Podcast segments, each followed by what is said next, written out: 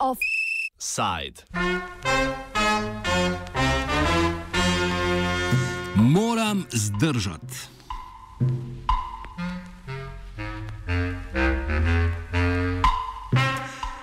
Srpski minister za delo Zoran Đorđević in slovenska ministrica za delo Ksenija Klamfer sta v sredo podpisala protokol za izvajanje sporazuma med Slovenijo in Srbijo o zaposlovanju srpskih državljanov.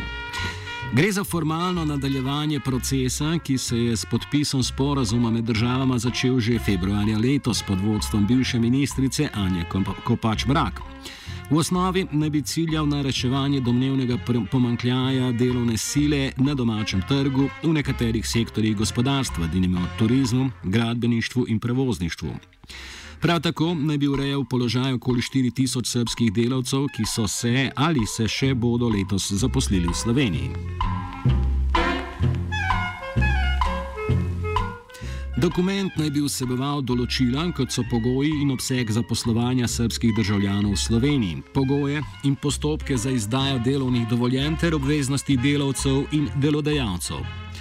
Pri njegovem oblikovanju so se odločevalci do neke mere opirali na podoben sporazum sklenjen med Slovenijo in Bosno in Hercegovino leta 2011, ki ga Klamfer ocenjuje kot dobro izkušnjo. Minister Đorđević je podpis protokola pozdravil z besedami, da želijo z njim predvsem poskrbeti za pravno zaščito srpskih delavcev v Sloveniji.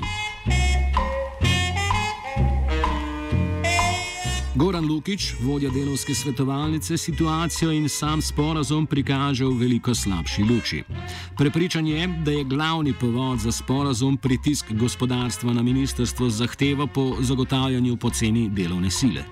Pa se to zadeva niti ni vredna kritike, zaradi tega, ker to, kar zdaj počne eh, Slovenija in Srbija, pa bo, mislim, pa ne vem, ali bo to zdaj počela tudi kakšna druga država, upam, da ne, je pod vsako kritiko. Uh, dejstvo je, da delodajalci uh, totalno pritiskajo uh, očitno na uh, ministrstva, Eh, da jim primankuje delavcev in namesto, da bi šli v ustrezne dvige plač, s katerim bi pač eh, ustrezno zagotovili tudi eh, nove delavce oziroma zagotovili, da jim obstoječi delavci ne bi zbežali, gredo pač tudi po lastnih besedah oziroma po besedah nekaterih na ministrstvih gledati kadrovske bazene po Balkanu. In torej, namesto, da se urepi sistem, ki zagotavlja ustrezne plačila, se očitno rejeti sporozume za poslovanju temi novimi državami, da se omogoči dotok novih in novih delavcev iz držav, iz, v katerih je minimalna plača nekajkrat nižja kot v Sloveniji. In ti delavci, tudi delavke, uh, bodo kot temu imeli uh, opazno nižje pogajalsko izhodišče za pogajanje o višjih plačah. Tako sporazum z Bosno in Hercegovino kot ta s Srbijo vsebujeta določilo, ki zaposlene obvezuje, da prvo leto delajo pri istem, se pravi prvem delodajalcu. To pa odpira vrata možnosti izkoriščanja. To pa je pa še bolj razljivo, razen tega, da imajo uh, ne glede na ta sporazum niže pogajalsko izhodišče pač za uh, to, da se govori o višjih plačah, je pa to, da in sporazum o zaposlovanju z Bosno in zdaj bodoči sporazum o zaposlovanju z Srbijo imata isto določilo, po katerem mora biti v prvem letu zaposlitve delavec zaposlen pri istem delodajalcu. In zdaj pa to tisto, kar se lahko trati situacijo. Delavci iz Bosne, ko imamo mi vsak dan na delski svetovalnici, nam vsak dan več in večjem številu govorijo preprosto en sam stavek. Jaz moram držati, vem, kakšen je ta delodajalec, jaz moram držati. In se dogajajo kršitve delovne zakonodaje, socialne zakonodaje, nadurno delo, sploh ni več nadurno delo, ker je preseglo vse meje normalnih ur, Eh, na papirju piše pač tukaj in tukaj, ur, po 76 ur, v realnosti pa delajo po 250 ur, po 280 ur, po 300 ur. Samo zato, ker so ujetniki tega določila v sporozumu za poslovanje z Bosno, ki je že veljaven. Zdaj pa si predstavljate takšne delovne pogoje, ki takšni sporazumi uh, v bistvu rojevajo, zdaj v bistvu gre naprej do Srbije. In bojo tudi srpski delavci, potem ko bodo padli v to uh, ujetništvo, oziroma kako smo napisali, delovno taborišče, uh, videli, da je to zgodba, ki je bila podpisana ze strani politikov, strani Slovenije in Srbije. Kakor v nadaljevanju opiše Lukič, je več faktorjev, ki delavce tujih držav držijo v podrejenem pogajalskem eh, položaju. Začnejo pa se že pri posredovanju ponudb za delo v njihovih državah izvora. To je v bistvu kombinacija, kombinacija eh, cele vrste eh, spremenljivk, ki je doprinesla do tega, da Slovenija vidi zahod od tega vrste. Jaz sem že večkrat rekel, da ni samo stvar ene uh, spremenljivke, ampak je to kombinacija večjih. Prvič je to, na kakšen način delavci ugotovijo oziroma dobijo informacijo o zaposlitvi v Sloveniji. Preko razno raznih socialnih medijev jih uh, takšni in drugačni posredniki kome čakajo, da jih dobijo svoje kremple. Potem, ko dobijo jih ti posredniki svoje kremple, ponovadi praviloma v bistvu plača temu posredniku delavci, eh, zdaj govorimo recimo spet neki hipotetično, so to določeni ceniki, tudi po več 100 evrov za posredovanje. Torej, že v Slovenijo, ko pridejo, so v minusu. Da si predstavljate to pogajalsko izhodišče do delodajalca. In potem, ko dobijo pogodbo za posklepki, praviloma je pač tako, da ko dobijo pogodbo, jo podpišejo, zraven še pok se vidi, kaj vtakne delodajalc in začnejo delati. Na to, torej na ta sistem, rečemo temu Facebook novačenja, ki je plačljiv, pade pa potem še ta sistemska diskriminacija v smislu tega, da delavci iz Bosne in evo ga, delavci iz Srbije bojo pa zdaj priklenjeni na enega delodajalca, katerega posrednik jim je že vzel denar eno leto. In zdaj si predstavljate takšnega delavca, da se bo v bistvu postavil na noge, pogajal za više plače, boljše delovne pogoje. Zelo prav, vsak dan prihajajo tam delavci zaradi takšnih okoliščin, ki rečejo, jaz vedno sem v takej situaciji, jaz zaradi tega sporazuma moram potrpeti eno leto. To bo samo to rečejo. Strani ministrstva je bil posebej izpostavljen predvsem sektor turizma kot ta, ki najbolj potrebuje tujo delovno silo zaradi pomankanja domače. Kritika delovske hranilnice gre v nasprotno smer, da gre tu predvsem za izmikanje domačih delodajalcev, višanjem plač in izboljševanje delovnih pogojev. Mislim, na tanko to v bistvu potrjuje to našo spohne tezo, ampak dejstvo, kaj se dogaja. E, v zadnjem času so izjemni pritiski delodajalcev, da se določene sektore, določene dejavnosti podnarekovaj sprosti za to, da se omogoči zaposlovanje tujcev. Da smo se zelo najjasni, delski svetovalci nikakor ne nasprotujemo zaposlovanje tujcev. E, definitivno pa nasprotujemo, da postane Eh, zaposlovanja katerekoli skupine delavcev v bistvu krinka za kakršnikoli način sistemskega izkoriščanja delavcev. In to je tisto, kar se zdaj dogaja. Zaradi tega, ker, zakaj govorimo danes o turizmu? Zaradi tega, ker so že uspeli delodajalci od, eh, deregulirati, v bistvu, če temu tako rečemo, določene dele trga dela, eh, kjer je kao deficitarno število poklicov oziroma premalo delavcev. Voznike tovornjakov, recimo, eh, potem eh, recimo orodjarji in tako naprej. Eh, In zdaj pa na vrsti, v bistvu, zdaj pa na vrsti dejavnost turizma, ker kronično primankuje delavcev. In spet ponavljamo zgodbo. Namesto, da bi se zagotovili po celi plačni verigi, ustrezne delovne pogoje, ustrezne plače, delodajalci jočijo, da nimajo delavcev, da ne morejo biti delavcev in da bodo zagotovili očitno le na takšen način, da bodo uh, zagotovili vedno nov in nov sporozum o zaposlovanju z vedno novo in novo državo.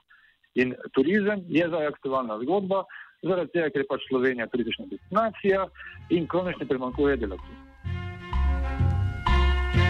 Prav tako si ne gre zatiskati oči pred političnimi učinki takšnega pospešenega uvažanja tuje delovne sile. Priložnosti za proženje nacionalističnih narativov tipa najprej poskrbite za naše se izkorišča istočasno, kot se skrbi za interes gospodarstva po cenejši delovni sili. Na to mora biti pripravljena tudi vsakršna sindikalna strategija, ki še čisla internacionalo. Ja, se, to je ta hec, ki se zdaj seveda razne, razne politične stranke, takšnih in drugačnih eh, barv svetlejše kot tem, ko če tako rečemo, kome čakajo, da sprožijo kakšno uh, zgodbo, ki ima nacionalistični ton. Uh, in tukaj zagotovo potem to za sabo povleče določeno debato, ki je v svojem bistvu popolnoma nerestavno zrešena, ampak je še vedno debata. Uh, Uh, in tukaj, uh, recimo, ko smo dali mi, primeroma, evo, danes, ko smo javno objavili novico uh, glede tega sramotnega sporozuma z Srbijo, ki bo očitno tudi ratificiran, uh, je bil prvi komentar na socialnih omrežjih: poskrbite raje za domače brezposobne. Mislim, mi se moramo takšnim debatam izogniti in najraje v bistvu takšne debate, da se jih izogneš tako, da jih preprosto te vrste eh, kratkih komentarjev oziroma teh komentarjev, ki so na takšnih medijih, preprosto ignoriraš. Mislim, ker eh, po pravici povedano, nočemo dati legitimacije in prostora na kakršen koli način takšnim gestam, ki bi omogočili kakršen koli sovražni govor. Lukič vseeno povdarja, da na terenu vidi številne primere prepoznavanja skupne stiske in mizernih delovnih pogojev, ki presegajo nacionalne in etnične delitve ter gradijo osnovo za pravo delovsko solidarnost. Uh, na drugi strani pa moram povedati, da po v bistvu ni tulk, kar se tiče, nam tukaj zelo jasno, recimo ekonomskih migracij, tulk tega, smo temu neke napadalnosti na stome nacionalnosti. Preprosto ni, ni tako, kot se v bistvu bi lahko naslikalo. Ker se vidi, da sami delavci, seveda, v svojem delovnem okolju se gledajo, vidijo, da imajo vsi skupaj nizke plače. In seveda tukaj nek element solidarnosti, pač, hvala Bogu, na nek način tudi prevlada. In uh, je treba pa zelo, zelo paziti, ko pa to, ta, se temu nacionalizem nizkega tona, potem prevedejo politike v svojo valuto in potem to uvozijo v parlament in začnejo potem tam toč po mizi, kaj pa naši domači.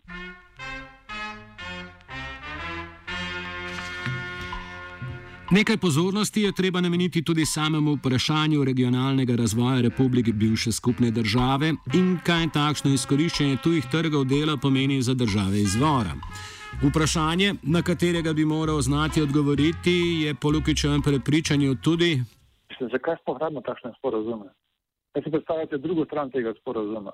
Uh, če govori slovenski delodajalec, pa če govori slovensko ministrstvo, pa če govori slovenski predstavniki ministrstva, uh, da uh, je pač recimo kadrovski bazen Bosne in Hercegovine izsušen in ne treba iti nekam drugam, a se ne zdi, da je to kot, nek, kot neke vrste virus, ki posluši po državah.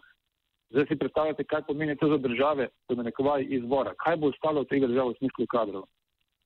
posrkali, postrgali uh, smo kadre uh, in kaj bo tam ostalo od, recimo, ne vem, usposobljenih kadrov. In potem pač uh, na koncu ne vidiš tega drugega dela zgodbe. Zato pa pravim, mislim, vedno je nekaj na račun nekoga drugega očitno.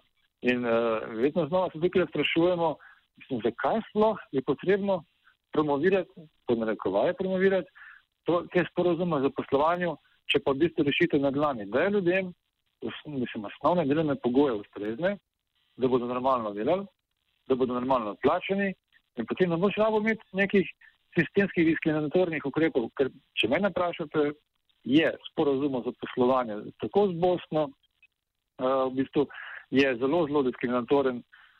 Tega, ker postavlja v bistvu te delavce, imigrante v neenak položaj med sabo. Evo, zdaj pa v bistvu še srpski delavec spada v to, kaj pa naprej, kam bodo šli s temi sporazumi. In tukaj bi bilo zagotovo dobro preveriti tudi z tega pravnega vidika teh sporazumov. Kaj torej ostane tistim, ki se s takšnimi politikami ne strinjajo ali kar neposredno občutijo njihove učinke? Jaz samo upam, da, bodo, eh, da bo prevladala neka rekel, zdrava pamet, kot je nekateri poslanci poradi uporabljajo to besedo, pardon, zlorabljajo. Uh, in ko bo prišel na mizo ta sporozum o zaposlovanju, na mize slovenskega parlamenta, ki ga moraš ratificirati. Uh, res upam, da ne samo da bodo te naše pomisleke, ki so vam malce več kot pomisleki, slišali, ampak da poslance in poslanke, ampak da bodo tudi razumeli in ustrezno temu ukrepali ob debati o ratificiranju tega sporozuma.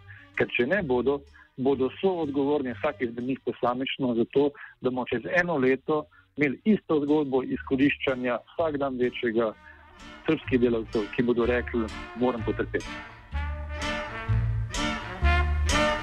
To pa je precej slaba tolažba.